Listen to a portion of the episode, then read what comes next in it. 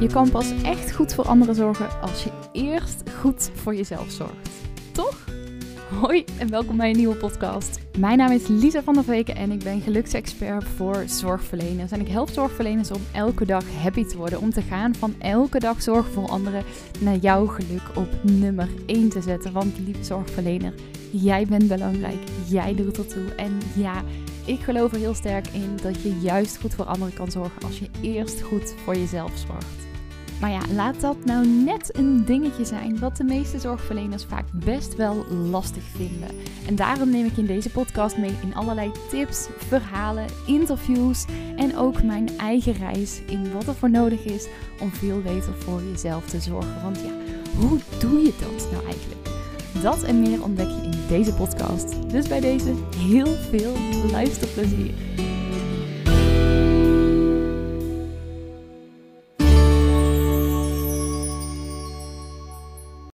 Yes, welkom bij weer een nieuwe aflevering van de Lisa van der Weken podcast. Ik struikel al meteen aan het begin over mijn eigen woorden. Maar goed, uh, daar mag je het maar gewoon even mee doen. Ik ben niet zo van uh, een podcast uh, editen of iets opnieuw opnemen. Um, je krijgt altijd gewoon, ik druk op de knop en, en ik ga gewoon een eind in de, ja, meestal soort van in de rond te lullen. Um, zou ik op zijn plat Brabants in ieder geval zeggen.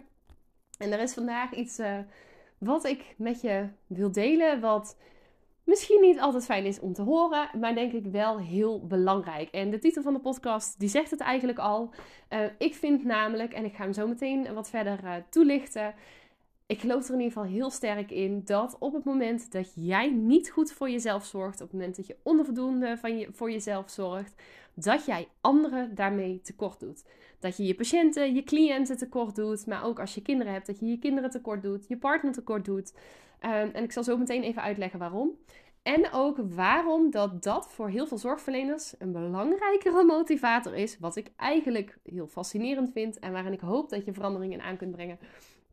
Om veel beter voor zichzelf te gaan zorgen dan dat ze het beseffen dat ze zichzelf tekort doen. Nou, gelijk een, eh, een bold statement, zo de eerste minuut, eerste anderhalve minuut, eh, in ieder geval na de introductie ehm, van deze aflevering. En wat ik al zei, ik wil hem ook verder toelichten. Maar waar ik je vooral toe wil uitnodigen met deze podcast, wat ik hoop dat er aan bewustzijn wordt gecreëerd tijdens deze podcast, is dat je in gaat zien dat je zelfzorg ja in de eerste plaats. En ik hoop dat je het daarvoor vooral gaat doen. Dat je jezelf op één gaat zetten. Dat je meer van jezelf gaat houden.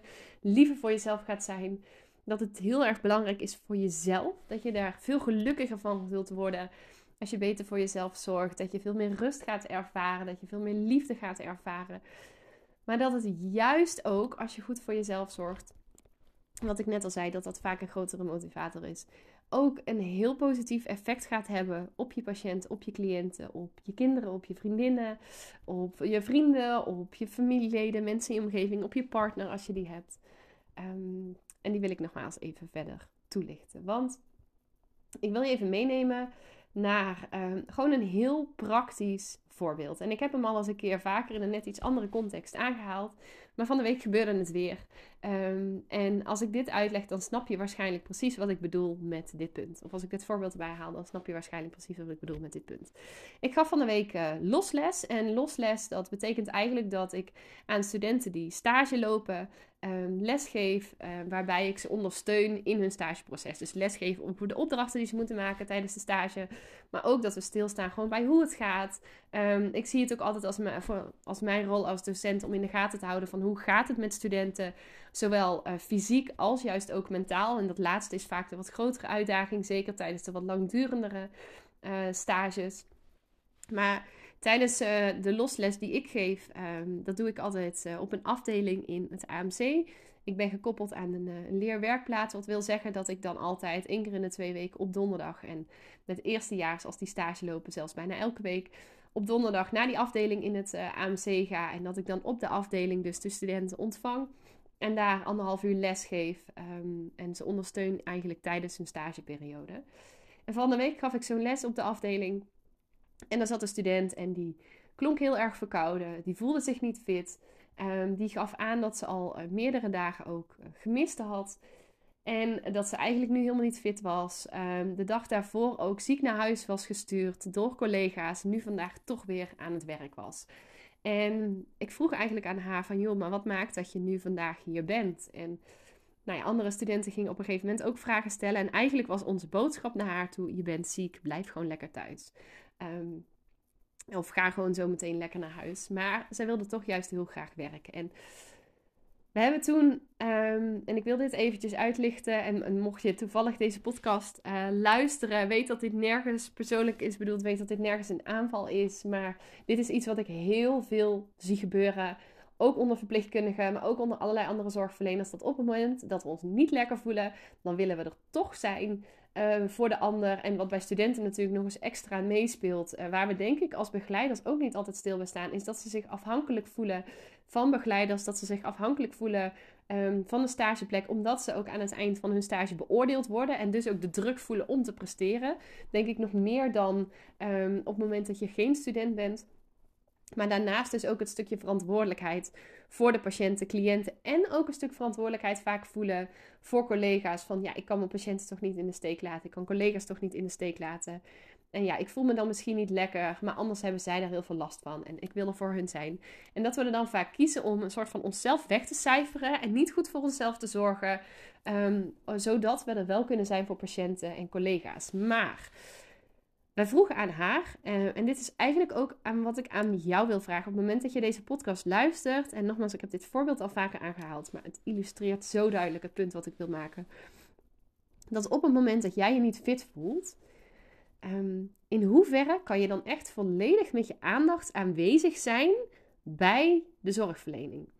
Op het moment dat jij je niet fit voelt, in hoeverre kan jij dan echt aanwezig zijn? Of op het moment dat jij niet goed voor jezelf zorgt, kan je dan echt volledig met je aandacht aanwezig zijn bij je kinderen, bij je partner, bij je vrienden, bij gesprekken, bij de dingen gewoon überhaupt die je doet in het dagelijks leven? Waarschijnlijk is het antwoord, en anders dan ben je een zeer uitzonderlijk persoon, dat op het moment dat jij dus niet goed voor jezelf zorgt, op het moment dat jij ziek bent, op het moment dat je niet fit voelt, dat jij niet 100% kan functioneren Ehm, dat jij niet volledig met je aandacht kan zijn bij datgene wat je doet. En daarmee doe je dus eigenlijk door um, toch uh, ziek te zijn en toch te gaan werken, door niet goed voor jezelf te zorgen en toch er voor die anderen te zijn, doe je die ander dus tekort. Omdat jij op dat moment kiest. Eigenlijk dat je zegt: ik kies nu voor die ander in plaats van voor mezelf. Doe je eigenlijk die ander tekort omdat je dus niet volledig de zorg kan leveren. En dan hou ik het even op de zorgverlening. Maar dit voorbeeld kun je dus precies doortrekken naar kinderen, partner, familie, etc. Je doet hun tekort omdat je er niet volledig voor hun kan zijn. De kans is groter dat je fouten gaat maken in de zorgverlening als je je niet fit voelt. Um, hetzelfde als wanneer je gewoon Um, als je het met, bijvoorbeeld met de patiënt in de psychiatrie, laat ik even een ander voorbeeld uh, vanuit mijn eigen uh, verleden erbij pakken als ik zat met een patiënt in de psychiatrie en dat ik met die patiënt in gesprek was over uh, dat ze suïcidale gedachten had.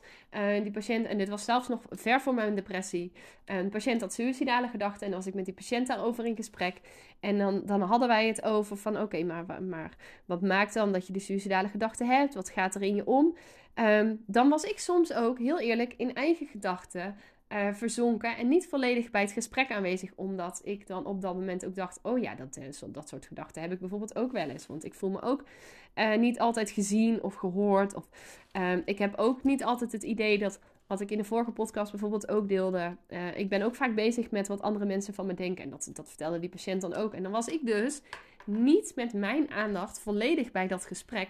Waardoor ik er niet als optimaal als zorgverlener kon zijn voor die patiënt. Net als dat wanneer jij niet lekker bent. Jij kan niet op 100% functioneren. En dan volledig zijn voor die patiënten op het moment dat jij ziek bent. Hetzelfde geldt als ehm, op het moment dat jij um, uh, veel de neiging hebt om alles perfect te willen doen. Op het moment dat jij de lat heel, voor jezelf heel hoog legt. En hele tijd, en dit bedoel ik ook met slechte zelfzorg, de hele tijd bezig bent met, oh maar het is niet goed genoeg en ik moet het nog beter doen en er extra gaat, gaat controleren, dan ben je misschien heel veel tijd kwijt aan alles te willen perfectioneren en heb je veel minder tijd over om, als je dus aan het werk bent, echt in directe patiëntenzorg te zijn. Ben je misschien veel langer tijd kwijt. Bijvoorbeeld met administratie of met, um, met medicijnen checken. Doe je check, check, dubbel check. Kan je minder tijd bij de patiënt zijn. Kan je dus minder goede zorgverlening verlenen. Hetzelfde als wanneer je de hele tijd in je hoofd zit.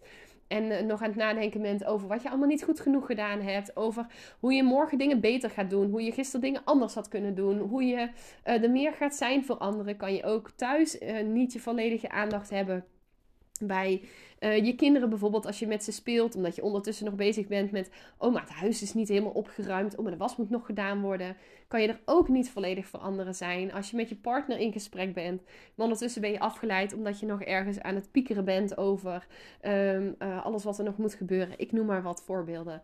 Uh, waarschijnlijk wel herkenbaar. Of misschien zelfs een hele, om die er dan maar even in te gooien, een, een, een wat brute bedek, vooral even de kleine kinderoortjes. Maar op het moment dat jij seks hebt met je partner, ondertussen nog aan het nadenken bent aan het piekeren bent over hoe er in de dag uh, van vandaag dingen niet goed gaan gelopen of wat je allemaal nog moet regelen, zodat het huis op orde is voor morgen. Um, dan ben je er ook niet volledig voor je partner. En daarmee, en dit zijn dus een aantal voorbeelden, doe jij dus anderen tekort op het moment dat jij niet goed voor jezelf zorgt omdat jij onvoldoende van jezelf houdt en de hele tijd bezig bent om het goed genoeg te doen voor anderen, kan je niet volledig je aandacht houden bij gesprekken. Kan je niet uh, de, het aantal uh, uren in zorgverlening steken die je er anders in zou kunnen steken, omdat je heel veel tijd bezig bent met alles te perfectioneren. Um, ben jij met je hoofd soms wat afwezig omdat je ziek bent en toch komt werken? Want ja, wat zullen anderen er wel anders niet van vinden als jij ze in de steek laat? Kortom, een heel aantal voorbeelden om te illustreren. En volgens mij heb ik daarmee mijn punt wel gemaakt. Want ik blijf in mijn, in mijn, naar mijn idee de tijd op hetzelfde terugkomen. Maar ik wil hem gewoon echt even erin rammen. Dat het dus echt ook consequenties heeft voor de ander. En niet per se meteen consequenties van leven of dood. Maar wel in jullie relatie onderling. Als je het hebt over familie, vrienden, kinderen. Maar ook in de zorgverlening die je biedt aan patiënten, aan cliënten. Op het moment dat jij onvoldoende zelfliefde ervaart. Op het moment dat je onvoldoende je grenzen aangeeft. Op het moment dat je de hele tijd bezig bent met wat anderen van je denken. Op het moment dat jij probeert om alles onder controle te houden. Op het moment dat je probeert alles perfect te doen.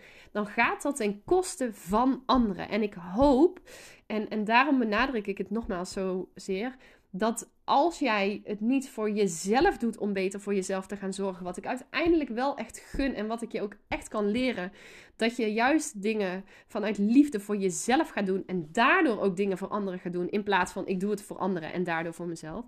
Maar dat je gaat inzien dat je, als het niet lukt vanuit, oh maar ik gun het mezelf om beter voor mezelf te zorgen, dat je het op zijn minst voor anderen gaat doen, om dus echt veel meer zelfliefde te gaan cultiveren. Eigenlijk die lessen die ik deelde um, in de podcast over de drie grootste lessen, naar aanleiding van mijn postnatale depressie, of zoiets is de titel. Dat je dat jezelf gaat gunnen. Dat je veel beter voor jezelf gaat zorgen door je grenzen aan te geven. Door dat wel te doen. Dat je beter voor jezelf gaat zorgen in, door de hoge verwachtingen van jezelf los te laten. Dat je beter voor jezelf gaat zorgen de controle meer los te laten. Meer zelfliefde te gaan ervaren. Meer leuke dingen te gaan doen. Meer trots te zijn op jezelf. Meer um, te focussen op wat je goed voelt. Dat je jezelf gunt om gelukkiger te zijn. Dat je jezelf gunt om dingen te doen waar je blij van wordt dat als je dat niet voor jezelf doet, dat het je dan in ieder geval met deze podcast hoop ik te motiveert.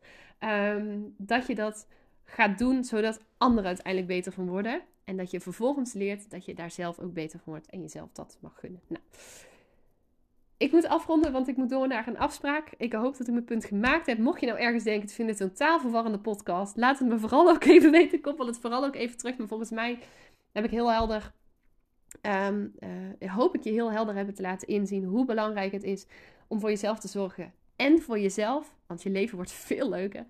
En ook, juist ook voor patiënten, cliënten. Daarmee ga ik hem afronden. Wil je hierover nog iets met me delen? Stuur me even een berichtje via Instagram, Lisa van der Veken. Of stuur me even een mailtje, info Ik ga hem voor nu afronden. Oh, en als laatste, voordat ik dat doe, op mijn voetfeestje op 15 januari ga ik een heel tof nieuw platform lanceren. Speciaal voor zorgverleners om beter voor jezelf te zorgen. Dus uh, hou me ook eventjes in de gaten de komende tijd. Want vanaf 15 januari zal ik daar meer ook over gaan delen. Dat gezegd hebben, dan wens ik je een hele, hele fijne dag. En heel graag tot de volgende. Doei doeg!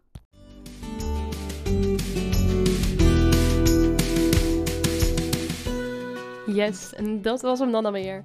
Mocht je nou nieuwsgierig zijn naar meer, check dan eventjes lisavanderweken.nl of zoek me op op Instagram, Lisa Als je deze podcast nou super tof vindt, abonneer je dan vooral eventjes en laat een korte review achter op iTunes of op Spotify als je daar 30 seconden hebt geluisterd dan uh, kan je daar de aflevering een aantal sterren geven. Als je hem 5 sterren zou willen geven, zou ik dat ontzettend waarderen. Want daardoor kan de podcast weer verder verspreid worden en kunnen veel meer mensen veel dichter bij zichzelf komen en ook dat fijne, gelukkige, vervulde leven gaan leven.